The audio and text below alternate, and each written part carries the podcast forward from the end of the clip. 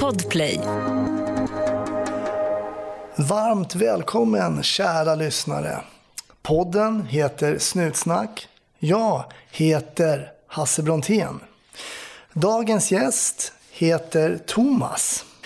Vi har i tidigare avsnitt hört talas om någonting som heter politi, det vill säga de som hämtar personer som har avlidit. Och idag är Thomas gäst. Han har jobbat tio år med det här, att transportera avlidna. Och han kommer berätta helt enkelt hur det går till. Det ligger lite utanför polisarbetet såklart. Men kanske alla gånger inte alltid så långt bort från polisarbetet när erfarenhet kommer in. Mer om det alldeles strax. Och jag vill också pusha för Patreon-avsnittet med Thomas som jag tycker är väldigt intressant. Där vi pratar om det som vi alla vet kommer inträffa, döden. Och han berättar om en händelse där döden kändes väldigt onaturlig och någonting som i stort sett fick honom att sluta. Bli gärna Patreon på patreon.com snutsnack. Min andra gäst är en ung herre som heter Jonathan. Han är inte polis heller. Han har heller inte gått polisskolan, men han ska börja precis. Och jag har varit i kontakt med honom och hört hur känslan är innan han nu kommer igång med polisutbildningen. Sen kommer vi följa Jonathan från nu, innan han börjar, under och så ska vi se om det blir konstapel av honom. Han kommer berätta lite kort vem han är alldeles strax och vilka förväntningar han har på yrket. Ja, nu tycker jag att du ska vara försiktig där ute och så hoppas jag att du får en riktigt trevlig lyssning.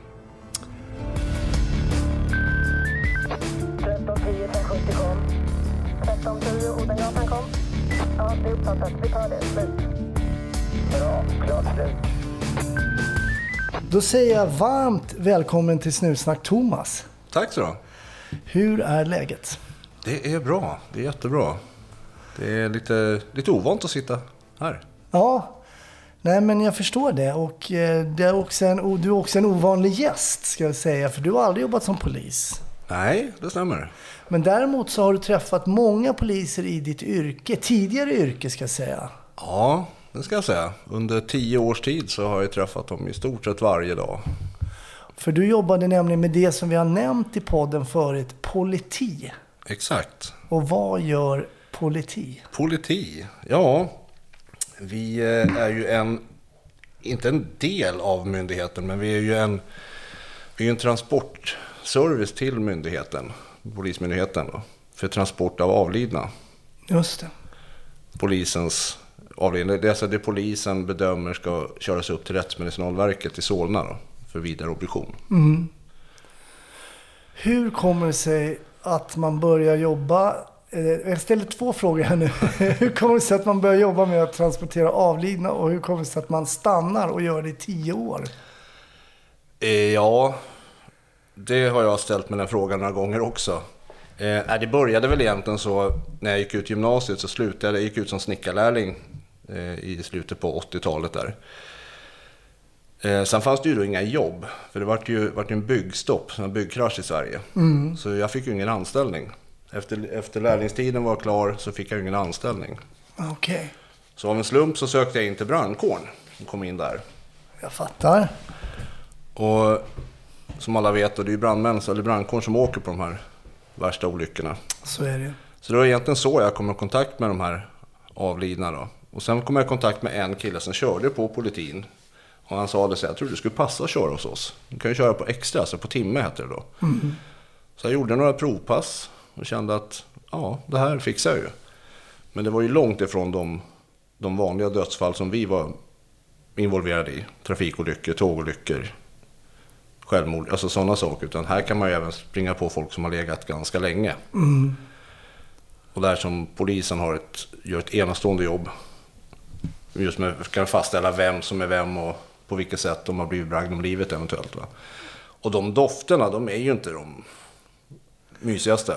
Men hur var det? Jag tänker... eh, Hur, för det första om jag frågar så här. Hur var din inställning liksom innan kring, kring döden och kanske mötet med döden och med avlidna människor? Så hade du, tänkte du på det här? Men du kanske hade lite av, genom brandkåren då förstås. Men, Jag tror nog att jag var som alla andra.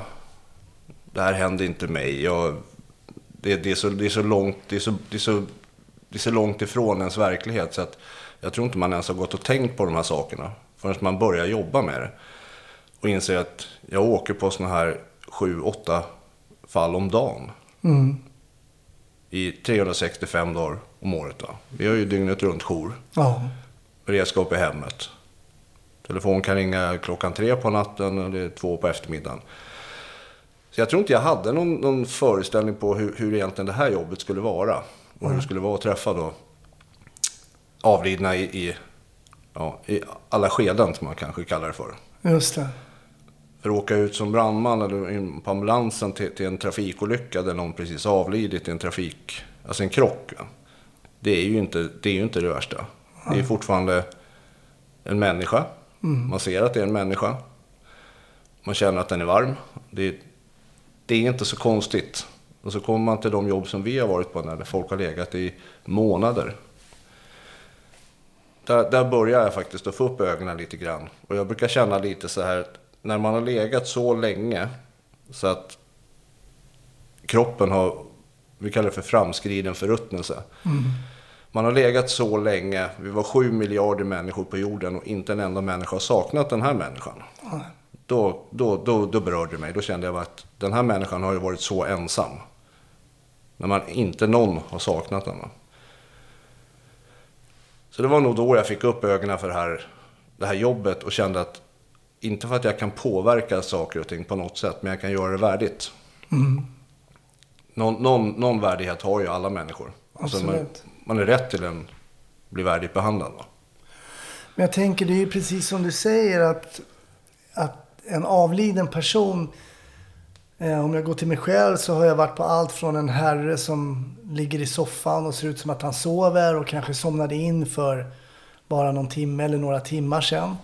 I början när jag började då fick ju polisen åka på alla dödsfall egentligen för att på något sätt då titta så att det inte satt en kniv i ryggen och man kunde säga att det här är- verkar naturligt. Så är det ju, idag behöver ju inte polisen åka på alla dödsfall.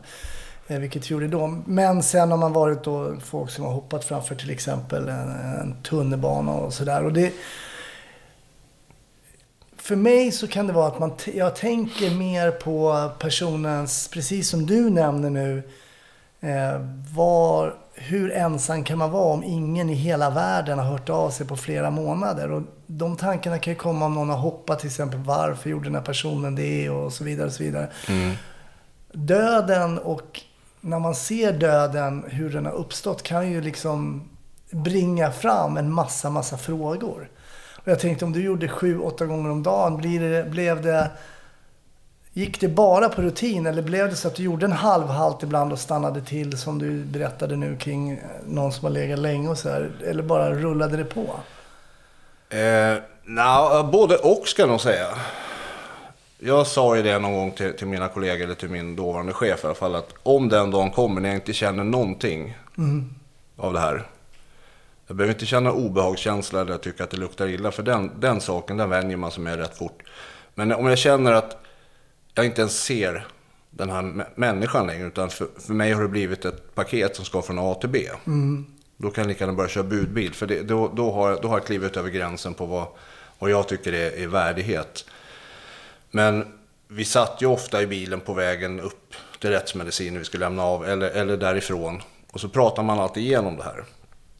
Och vi kunde prata om de här detaljerna. Såg, såg, du, såg du högen med post? Såg du sopberget inne? Och man, man, man, man pratar om det här med att folk lever i en misär. Och det, det, det kan jag bli störd av. Vi, vi har ett, vi har ett, ett säkerhetsnät i Sverige som inte funkar för alla. Sen självklart så är många, många väljer att, att inte ta hjälp. Många väljer att, att vara lite eremiter. Det, det ska jag inte sticka under stolen med. Men långt ifrån de nästan 15 000 transporter som jag har genomfört under de här åren. Hur Skulle du kunna berätta för lyssnarna hur ett ärende ser ut? För det är ju ofta så att polisen är på plats och som polis då när man kanske kom till en lägenhet och någon hade avlidit så väntade man ju då på politi. Men hur såg, hur såg det ut från ert håll? Hur fick ni jobben och hur går allting till när ni kommer till en plats? Och skulle du kunna dra på ett, ungefär hur det, hur det såg ut? Ja. Eh, jo, det är ju så att polisen på plats, första patrull på plats, de blir skrivande patrull. Och de kontaktade då, som hette på den tiden LKC, Länskommunikationscentralen. Mm. Och där var det operatörer som i sin tur kontaktade oss. Så vi fick ut det där som ett, eh, ett HR, då, pågående HR, hälsa händelserapportsnummer. Då. Så vi, vi hade ju alltså 90 minuter på oss, oavsett var i länet som, som eh, hämtningen skulle ske, så var det 90 minuters inställelsetid. Ibland funkar ju inte det. Var vi i Nynäshamn och får ett jobb uppe i Älmsta, i nor- norr om Norrtälje, då är det ju, förstår vi ju även där, även om vi hade haft blåljus och kunnat åka med det, så hade vi aldrig tagit oss på 90 minuter. Eh, kommer upp dit och då ska, ju, då ska ju kroppen oftast vara då avvisiterad. får ju inte finnas några värdesaker eller andra föremål på kroppen. Nej. Eh, Hur gör ni med dem då? Lägger ni dem i... nej, det ska ju polisen eller... Ja, det är polisen som ska avvisitera kroppen. Va? Men av, av erfarenhet och alla dessa år och alla dessa fall så... När vi kommer upp så är det många poliser som står där med såna här, vi kallar för spyringar runt ögonen. De vägrar att gå tillbaks in. Och säger, när ni går in, kan ni märka upp kroppen och bara avvisitera den? För jag fixar inte det här. Okej. Det var, det var inte jätteovanligt. Va? Så att, eh, men det är ju läkare eller polis som ska, som ska märka upp kroppen. Vare sig den är identifierad eller oidentifierad så måste ju kroppen märkas upp då med ett ID-band. Så vi får egentligen inte göra det. Ja, okej. Det, det har ju med säkerhetsaspekten att göra. Rättssäkerheten. Men det gjorde vi ju som sagt ganska ofta åt dem. Det är lite ge och ta. Någon, annan, någon annan gång så kanske de blundar när vi, när vi tog bussfilen för att komma fram i tid. Ja, Det kan ju vara sånt. Eh, när vi har fått alla våra papper, vi behöver ju ha en transport av avliden, som ska alltså trava, alltså travalapp, transport av avliden. Då bestämmer vi oss för hur vi ska transportera. Är det så att det är kriminaltekniker som är på plats, ja då är det ju en kriminalteknisk transport. Och då är det ju ännu viktigare att vi inte kontaminerar någon kropp.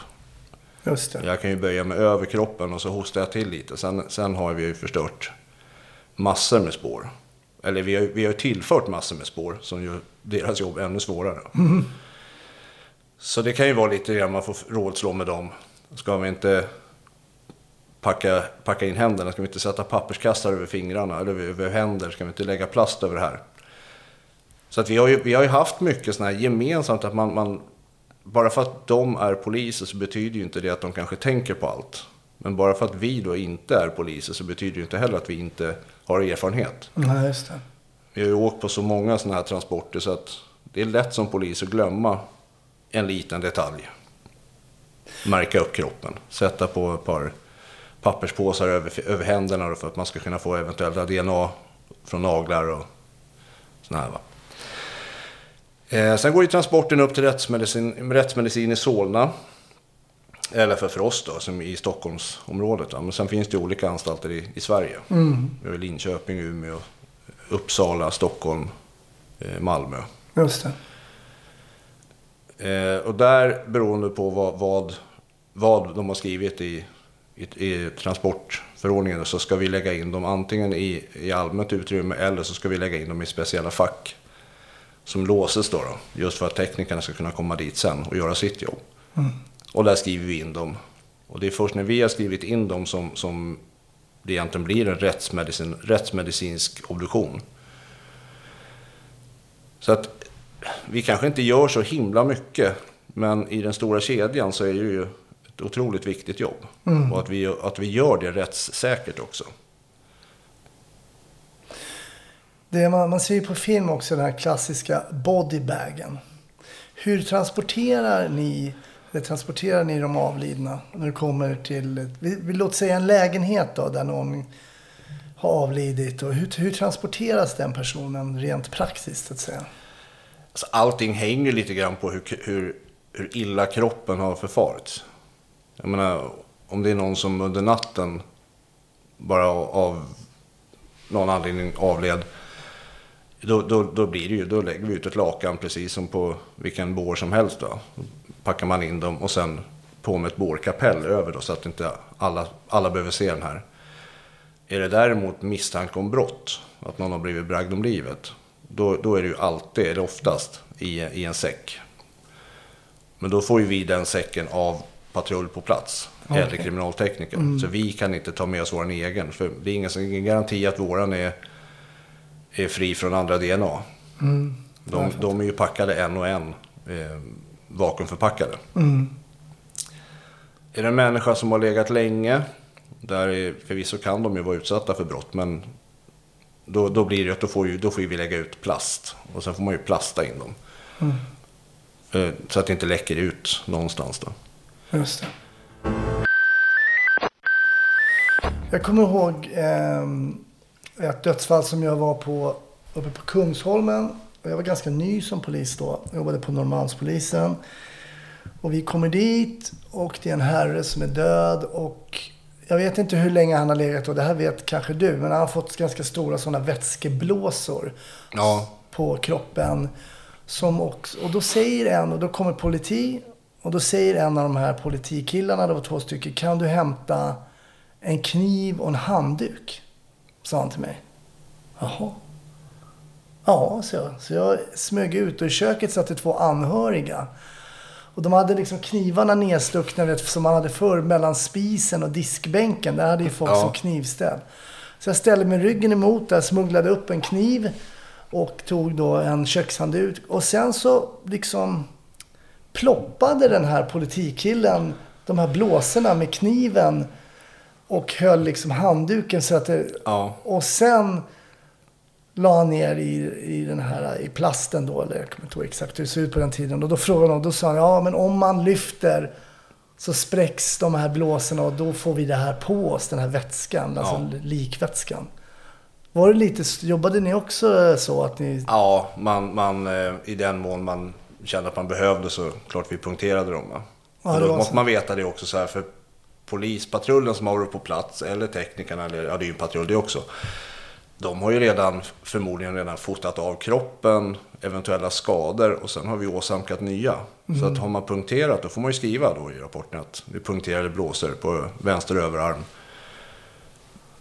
Det är, inte, det, är inte, det är inte så att det kommer påverka utredningen men det kan ju vara en Av vikt liksom? Ja, vikt, ja precis. Ja. Men jo, det, det, det gör vi ju. Jag har, jag har ju en anekdot när, när, när jag inte gjorde det. I, eh, i Sigtuna. Och han hade hängt sig, han hade hängt rätt länge. Och då hade han fått sån här blåsor på halsen. Och för att få ner honom där, då tänk, tänkte man sig, ja, men man kan ju bara skära av. Men det, det går ju inte, man kan ju inte hålla i. Så vi, spänner, vi ställer upp båren stående, spänner fast honom på båren. Och så knyter vi loss så mycket av repet, för det måste följa med.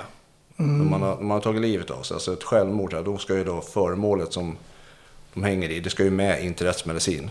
Intakt, så gott det går. Då. Så vi, vi, vi tippar ner honom och jag ställer mig över så han ska punktera. Men precis när jag böjer mig över, då spricker den så det sprutar. Så jag får det rakt i munnen. Och då insåg jag att nej, jag kanske inte ska hålla på med det här längre. Men det vart ungefär sju år till. Efter det? Ja. Men då är, då är man lite, man får man lite funderingar på vad har jag fått i mig för något här nu. Mm, såklart. Och det är klart, alltså en människa eller en djur, ett djur som är inne i den här förruttnelsestadiet liksom. Det bildas ju mycket bakterier och Ja. såklart. Ja. För det bryts ju ner. Ehm, hur tycker du att samarbetet med polisen har varit när ni har kommit på plats och eh, ni kommer som politi då? Hur har ni blivit bemötta av polispatrullerna om du tittar på de här tio åren? Alltså otroligt bra. De, eh, jag kan nog säga, ja, kanske inte prata för alla konstaplar ute, men, jag kan nog att må, många ser oss nog som hjältar. De bara, åh oh, shit vad skönt, nu kommer ni. Då kan vi släppa det här, då kan ni ta över. Alltså de, de, det var en fantastisk eh, sammanhållning på, på oss. Jag tror inte ens de, många av dem tänkte på att vi inte tillhör myndigheten. Vi jobbar för myndigheten, men det är ju på ett kontrakt, på upphandling. Men på något sätt så, i alla fall under de åren jag jobbade, så kände jag att vi var faktiskt en i gänget. Eller de såg oss som en i gänget. Vi kanske inte såg oss som en i gänget så, utan man höll sig ju på sin kant. Men det var många gånger vi kom på ställen och de stod och tittade så här, de funderade. Fasen, hur ska vi göra här? Kom de och frågade oss. Hur, hur, hur skulle ni ha gjort här? Så att på något sätt så, så ändå så, som jag sa i början här, att även om vi inte då är poliser så har vi ju mer erfarenhet av dödsfall än, än vad varje enskild polis är. Jag läste någon, någon eh, statistik någon gång att i sammanslaget, alla poliser i Sverige då sammanslaget på så många det är och antal dödsfall så kommer var och en åka på ungefär tre dödsfall per, per tjänstgöring, alltså under hela din karriär som polis. då. Inte fler. Ja, man tänker då så Ja. många poliser som Mm, finns ja, i Sverige. fattar. Sen är det självklart att en polis i, i Kalix inte åker på lika många som en här i Stockholm. Mm. Men det är en garvad polis. Som jag sa här innan, innan vi startade så har ju Viktor Adolfsson, ytterbefäl. Mm. YB Södermalm på Södermalm. Ja. Han och jag har varit på ganska många jobb tillsammans. Men då var det ju så i början att det var ju alltid yttre befälet som åkte på de här dödsfallen. Så vi, vi, eh, vi lärde ju faktiskt känna till varandra rätt bra. Vi känner ju inte varandra personligen, men vi känner ju till varandra rätt bra. Och där är det ju det här med att... Ursäkta. Man kommer in och han har ändå ganska bra rutin på saker och ting. Men ändå så frågade han, för han sa, du som har varit på så många fler än vad jag har varit. För på en vecka så åker vi kanske på lika många som du som för detta polis skulle gjort under hela din karriär som Absolut. polis. Och varför inte då ta vara på den, den erfarenheten? Såklart. Sen kan det ju vara att vi ser saker med, vi ser saker med lekmannaögon, självklart. Men vi försöker ju inte utreda några brott heller. Va? Men däremot så vet jag några gånger man har sagt till någon tekniker, men du kan det inte vara så här då? Och då stannar de upp, funderar lite, så bara, det har vi inte tänkt på. Vet, vet du vad, vi, vi, eh, vi behåller kroppen här ett tag till och så hör vi av oss. Så får vi gå igenom eran tes också.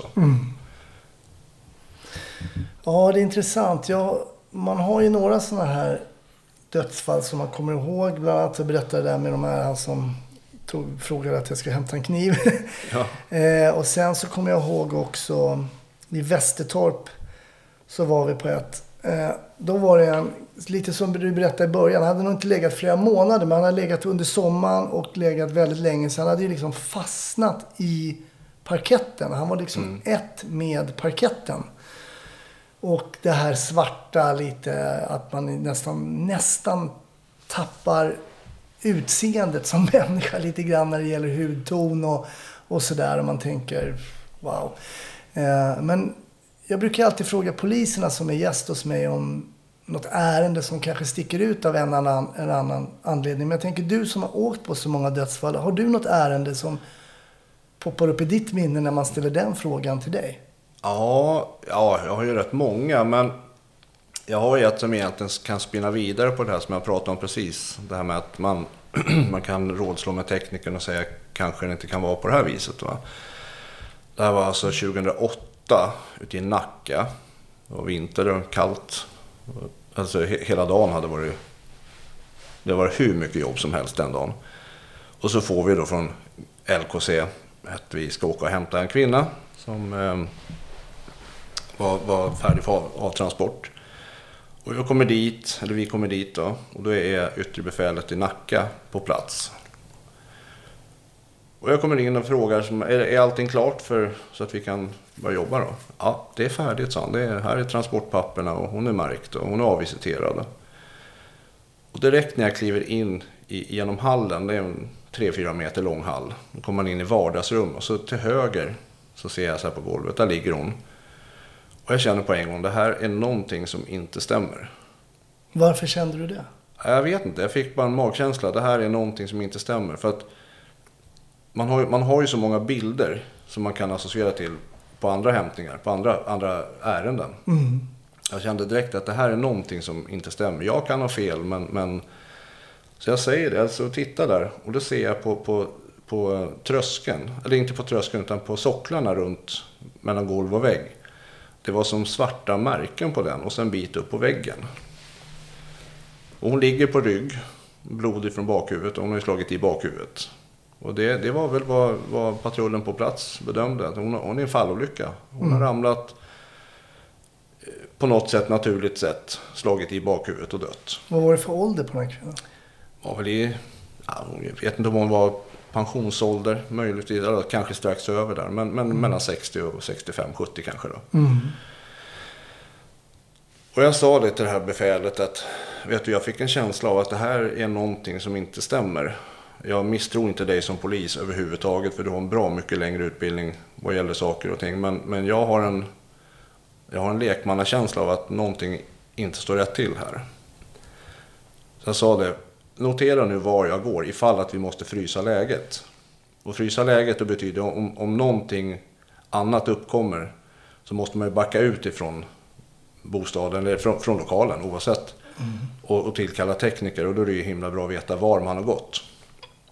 Så han går ut och hämtar flaggor, små, små pinnar liksom, som han ställer upp på golvet. På varje, varje steg jag tog.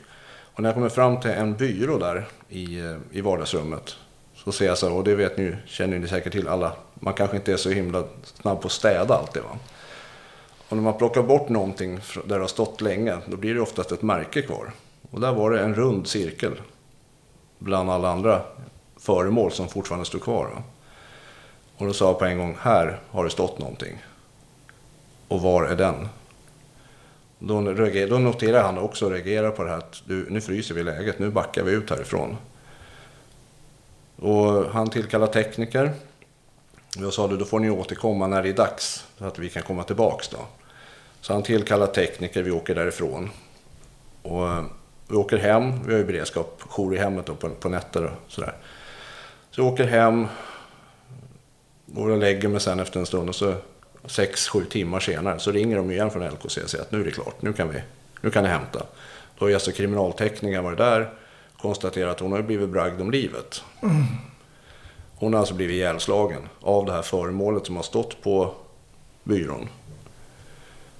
Och ytterligare sex timmar senare så griper de hennes exman. Som blir dömd för mord. Oj. Och där ser man hur enkelt det är att, missa en sån liten sak. Och hade inte jag haft någon magkänsla där av, av de erfarenheter som man ändå hade när man har varit på så många jobb. Hade jag inte haft den här magkänslan då hade, jag, vi hade, ju, då hade vi ju packat ihop det här och åkt till rättsmedicin. Förvisso hade de ju säkert hittat den här krossskadan i bakhuvudet på den här kvinnan. Rättsläkarna är ju otroligt duktiga. Men då kan det ju ha varit för sent. För då kan ju till och med föremålet, alltså teknisk bevisning, det saknas ju ett föremål. Men nu hade han den i bilen och skulle dumpa den någonstans. Okej. Så att då känner man lite ibland att, ja, jag är inte polis, men jag har faktiskt, jag, är en del av den här kedjan. Eller var en del av den här kedjan. Ja. Och de var otroligt nöjda. Han har tackat mig många gånger det här befälet. Att, att man var så observant. Jag sa, men det handlar inte om observant, utan det var bara, jag fick en magkänsla. Det är lustigt vad magkänsla egentligen är för någonting. Alltså för att det kallas nog för magkänsla för att vi inte kan beskriva det speciellt Ja. bra. För, men det, ja, på engelska säger man så här gut feeling också. Men någonting, du säger där att det är någonting som inte stämmer. Men kan du egentligen beskriva när du kommer in? Du såg ju inte det här byrån med det Nej. här dammet. Jag, så. jag såg de här sparkmärkena på, på väggen Just först. det, det. Så svarta av... Alltså, det blir ränder. Lite som man spelar innebandy i fel skor. Man får skäll. Man gör ränder i golvet. Så var det på, på väggen en bit upp och sen på, på socklarna runt. Men det var bara en, alltså det en liten, liten bit. Så det var inte heller så att man... Inte ögonfallande. Polisförbundet som är inne nu i en ny sån här avtalsrörelse. De, deras grej är ju att påvisa verkligen och berätta att eh, polisarbetet är ett lagarbete. Och det visar ju att det kan innefatta fler i laget som du berättar nu. Och jag menar, åker man på så många eh, dödsfall och ser så många avlidna personer i olika positioner. Det är klart att du till slut bygger upp en kunskapsbank som gör att du kan få den här magkänslan. Ja, så är det ju. Det tråkiga bara med den kunskapsbanken när jag, när jag väl slutade. Det är att jag inte kan lämna över den till någon. Ja, just det. Jag skulle jättegärna vilja ha, här är en perm, här är allt jag kan, varsågod. Ja, Så det är ju så, men så är det ju även med, med poliser. Jag menar när du slutade, du hade ju mycket erfarenheter som du tog med dig som du inte kan föra över till någon annan. Nej, det är sant. Det är helt sant faktiskt. Väldigt eh, intressant eh, eh, historia där baserat på att köra politi, alltså avlidna. Jag brukar ju också avsluta, jag avslutar med att fråga eh, vad mina gäster tycker om polisfilmer. Och det finns inte så många politifilmer kanske. Nej, det, jag kanske får börja göra egna. Men hur, eh, hur, jag frågar dig ändå, kollar du något på polisfilmer eller polisserier och sådär eller? Ja, det, det gör jag väl. Eh, som jag har hört här i, i podden. Nu har jag haft poliser här som säger så här. Ah, men jag blir bara så förbannad när jag tittar på dem för de gör så fel. Ja, just det. Och jag kan nog säga lite grann sådär också. Jag, alltså Beck-filmerna gillar jag ju. Ja. Oavsett om det är de nya eller de gamla. Men där kan jag också bli lite förbannad. För hur, hur- hur deras polisiära uppdrag ska se ut, det kan inte jag se. Nej. Men däremot när de klampar in sju stycken, det ligger en avliden människa, de kliver över och det flyttas på grejer. Och, ja, då kan jag känna att, nej men vänta nu här. Och jag vet att min exfru sa det så här, men skärp dig nu, slappna av, du är ledig. Ja, Men alltså det är inte så enkelt. Nej. Nej. nej precis. Det Men- sitter där i bakhuvudet. Ja, jo, det, det gör ju det. Men eh, alltså en, en serie då som jag tyckte var otroligt bra, det är Bron. Bron ja. Ja, Mm. Svensk-dansk produktion. svensk-danska produktionen. Den, är, den tyckte jag var otroligt, otroligt bra faktiskt. Mm. Kul. Kul. Jag vet att du ska berätta ytterligare ett case i Patreon-avsnittet. Och, eh, Ja, jag sitter själv på nålar här. Ska vi se vad det blir för någonting. Så, men, eh, jag vill säga, ge dig ett stort tack Thomas. För att du var med och ville berätta lite hur det fungerar med det. För just nu när vi sitter här så åker man ju och hämtar upp folk som har avlidit. Och det är ju någonting som vi inte ens tänker på. nej, det, det är ju så. Alltså folk vet att någon har dött. Och nästa gång så, så är det i en kyrka. Men transporten och hanteringen däremellan, det är ju det är en gråzon. Ja, Så är det. Så är det.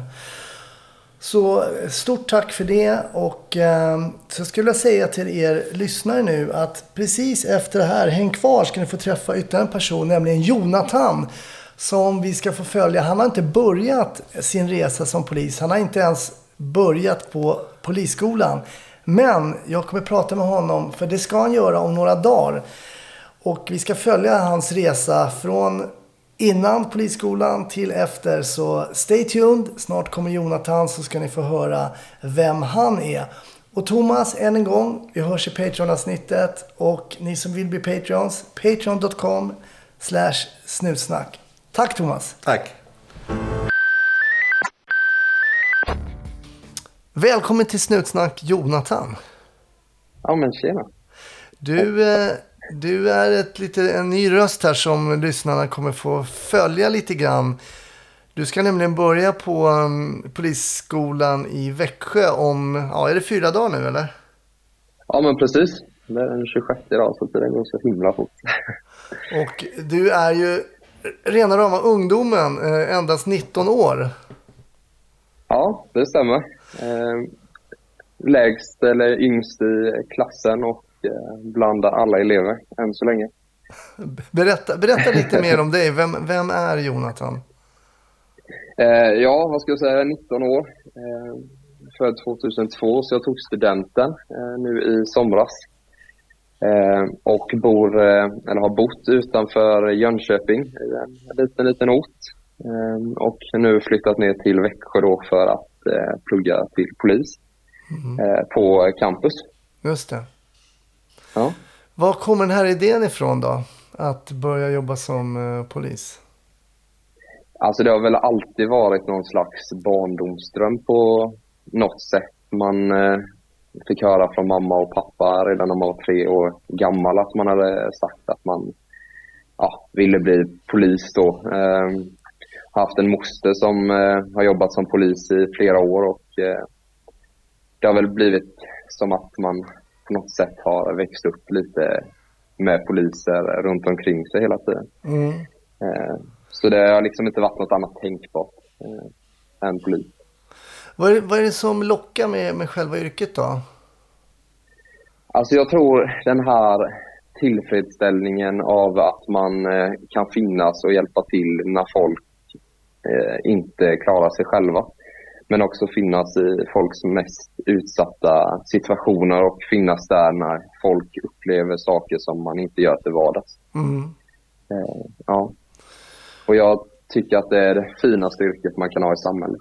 Eh, Intressant. Eh, Jag tänker på, jag nämnde här nu att du var rena rama ungdomen och det är väl mest för att Ja, jag är precis. avundsjuk säkert. Men, ju, men också för att det finns en viss igenkänning eftersom jag var typ i samma ålder som dig. Jag var väl 20 när jag sökte dem. Men det finns ju, det finns ju för och nackdelar med allt i livet och kanske till och med också med ens ålder. Kan du se att det finns både för och nackdelar med att vara ung och komma in i till exempel i polisyrket?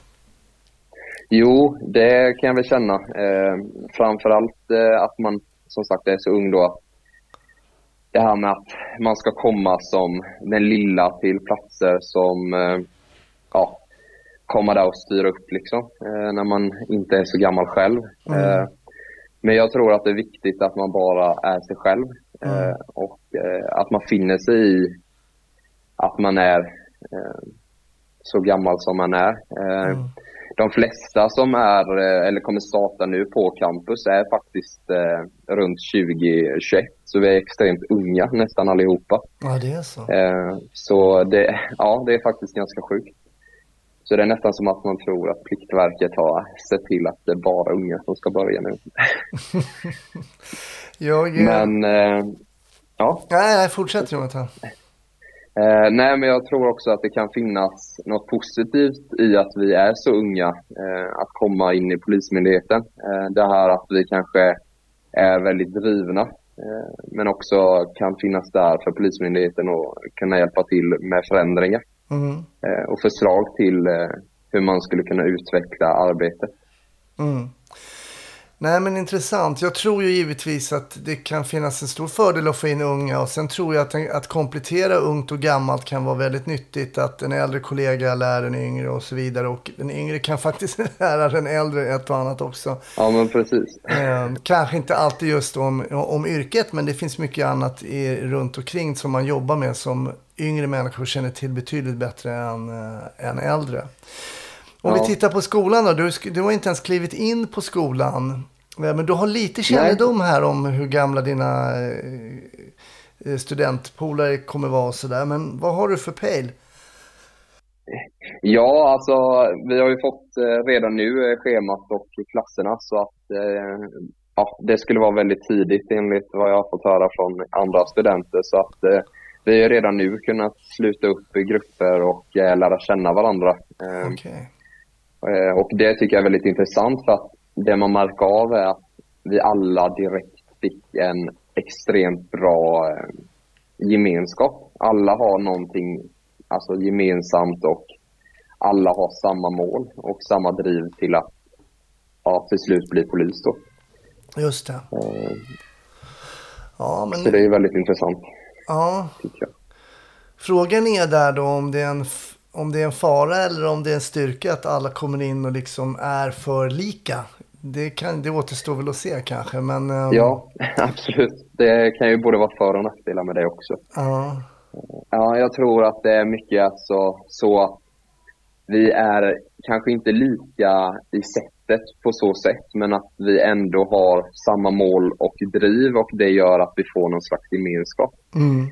Eh, för vi var på besök på en polisstation här i närheten i förrgår och man ser det bland alla de poliserna som vi gick runt och pratade med att eh, alla har samma engagemang och samma driv och någonting gemensamt så det blir att man får en väldigt bra kontakt med varandra. Mm. Eh, sen såklart kommer man kanske inte gilla alla på samma sätt som man gör med vissa men det finns ändå någonting, ja men någon slags familjegemenskap på något sätt. Mm. Jo, det, det har ju framkommit, eh, tycker jag, under podden. Och det har jag ju också själv påtalat att det är ju någonting unikt. Och, eh, att man får den här gemenskapen. Den, eh, den är unik, måste jag säga. Jag har jobbat lite inom andra yrken och inte känt något liknande där, så att säga. Nej. Men jag tänker på den här ungdomen då. Jag tänker på ett avsnitt med min eh, före detta kollega David. Där han gjorde ett ingripande när han var då, vad var han, 24-25. Och han menade på att han aldrig skulle ha gjort ett liknande ingripande idag när han är plus 50. Och han menar på att det var styrt av, av testosteronet. Ja. ja, jag lyssnade faktiskt på det avsnittet. ehm, Det var på centralstationen i Stockholm. Eh, exakt, det var, på, det var nog på, ja, just det, på. T-centralen. Ja, precis ja. Ja, men precis. Ja, men väldigt intressant. Eh, Och jag tror att de jag har stött på än så länge som eh, såklart det finns de som går runt och spänner sig och eh, vill vara någon kanske, men vi är väldigt ödmjuka. Och vi är oss själva. Och jag tror att det är extremt viktigt. Mm. Eh, Men också att man, som du sa tidigare, att man kan ta lärdom av de äldre. Eh, Och jag tror det är extremt viktigt att man åker med äldre, erfarna personer eller kollegor eh, som har bättre koll på det här med personkännedom och liknande. Mm. Och jag tror också det är extremt viktigt att man ja, kollar av situationen innan man ingriper. Mm. Så att man inte gör det värre än vad det redan är. Just det, och för dig lyssnare som inte har hört det avsnittet med David så är det avsnitt 25 som heter Du måste släcka cigaretten. Och det, är- det, är ett, ähm, ja, men det är ett väldigt intressant avsnitt där man kan höra en polis som kan titta tillbaks på sig själv som yngre konstapel och sen då som ja, 25 år äldre sen. Att det händer någonting med oss alla i och med att vi Ja, dels så kanske vi mognar liksom rent allmänt men också mognar kanske in i yrkesrollen på ett, på ett annat sätt. Jag tycker det var ett intressant avsnitt med, med David. Också, också kul när någon blottar sina misstag. Det, det är alltid intressant att höra. Ja, ja men väldigt kul. Ja. Ja, men superspännande. Eh, ja, vi pratade lite innan och då berättade du faktiskt att du hade en släkting som precis har slutat eh, polisen som helt enkelt slutade samma dag som du kom in. Ja, det är också väldigt intressant och eh, ja, hur man kan mötas men också eh, få höra om eh, allt kanske inte är precis som man har föreställt sig inom polisen. Nej, precis. Det är en stor myndighet och ibland kan det vara svårt att och kanske känna att man går framåt. Ja, Hur känner du då, då när du har en släkting som liksom ska sluta? Du går in i ditt drömyrke och sen så är det någon som säger nej det här var inget för mig. Jag är inte nöjd om hur man blir behandlad typ. Hur, hur, hur känns det? alltså jag tror att det som sagt är viktigt att eh, kunna gå sin egna väg. Eh, och jag, eh, nu har den här personen jobbat på en lite mindre ort. Och jag kommer bli placerad utanför Stockholm på aspiranten, för det får man ju redan på nu när man söker, eller var man skulle vilja vara någonstans. Mm. Eh, och jag tror att från min sida att det finns större möjligheter på större orter. Eh, Mm. Ja men så är det ju. Är det. och, eh, men där blir det också på det sättet att man kanske blir en i mängden jämfört med vad man blir på en mindre ort. Just Eh, så det finns ju både för och nackdelar på det Mm. sättet också. Eh, men jag, än så länge har jag bara blivit mer driven och eh, vill eh, ja, bara bli mer poli, eh, ja, bli klar polis fortare. Eh, med tanke på att man får höra att folk säger upp sig. Och man vet ju vilken brist det är. Liksom. Och inte bara säger upp sig. Vi hade ju nu här i Biskopsgården en, en polis som blev skjuten till döds. Hur reagerar du som liksom blivande, gå in, blivande polis och går in i yrket och, och, och läser om en sån sak, en sån händelse? Ja, alltså jag kan ju säga att mamma efter att man hade sökt och fick höra om detta eh, blev extremt orolig. Men eh, för min del så kan jag bara säga att man blir ännu mer peppad. Eh, Man blir som sagt tagen på sängen av en sån händelse. eh, Att det ska kunna hända liksom. Mm. Men det är också något man får räkna med när man söker till polis och det är ju ett yrke som du utsätter dig själv för fara i. Mm. Men för min del så har jag bara blivit mer, som sagt, peppad på att börja och eh, få komma ut och eh, ja, finnas där för de människorna som behöver oss. Sen måste man ju alltid ta ner en mammas oro eh, ganska många hack. Ja, men precis. Men precis. den, jag säger inte att den är obefogad på något sätt. Men, Nej. för det, det ska nog finnas en viss form av oro kanske. Men eh, mammors oro ligger ju några procent över alla andras. Det är väl alltid så kanske. Ja. Men Jonathan, vad har du för målbild då? Alltså, polisyrket innefattar ju många jobb i jobbet så att säga. Men har du någon målbild nu som liksom inte ens har börjat skolan vad du vill göra som eh, polis? Eh, Alltså, jag har väl inte direkt något sånt här, det här vill jag verkligen bli. Eh, Jag fick däremot en eh, litet eh, tips från polisen på Plikt och prövningsverket som det nu heter. Mm. Eh, som jag satt min intervju med och han sa det att eh, jag skulle rekommendera dig att söka till yttre befäl i framtiden. Eh, Mm. för att eh, han tyckte att jag hade något slags driv och eh, nu när jag har läst på lite vad yttre befäl handlar om så eh, skulle det nog vara väldigt intressant och kul eh, Intressant. att finnas där också och styra och Mm. eh, finnas där för sina kollegor. Finns det någon tjänst du inte skulle vilja ha inom polisen och varför är det trafikpolis? Jag skojar bara. Ja, det, var en ledande fråga. Tycker du det var ledande? Kanske. ja. Så här ska Ja, man nej, inte men- hålla förhör kan jag säga. Det var ett dåligt exempel. Nej, precis. Ja. Nej, men eh, kriminaltekniker tror jag inte hade passat mig. Nej. Eh, Nej, men krypa runt på eh, brottsplatser, vilka fördomar. Men eh, det här med att... Nej, jag tror jag är lite för rastlös för det faktiskt. Mm. Nej, men okej. Det, ja. Ja. Nej, men det är bra. Ja.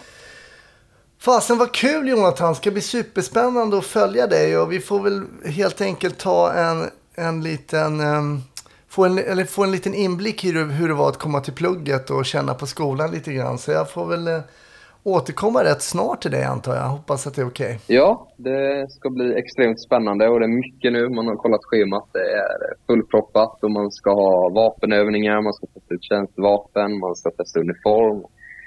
Eh, köra polisbil och det är mycket nu bara i början så att det är extremt kul. Ja, Och, eh, roligt, roligt. Kul gillar- att du eh, hörde av dig. Ja, och jag gillar din entusiasm. Den är precis där den ska vara. Det är underbart. Ja, men perfekt. Eh, men stort tack för första samtalet då eh, och en liten introduktion vem Jonathan är som vi då alltså ska få följa nu. Eh, förhoppningsvis hela vägen för du, nu kan du inte missa tentor och grejer här när du går public Nej, det blir på väldigt problematiskt så. Ja, så nu har du press på dig. Det är bra det. Ja, Stort tack så ja länge. tack Hasse. Tack. Tack. Hej.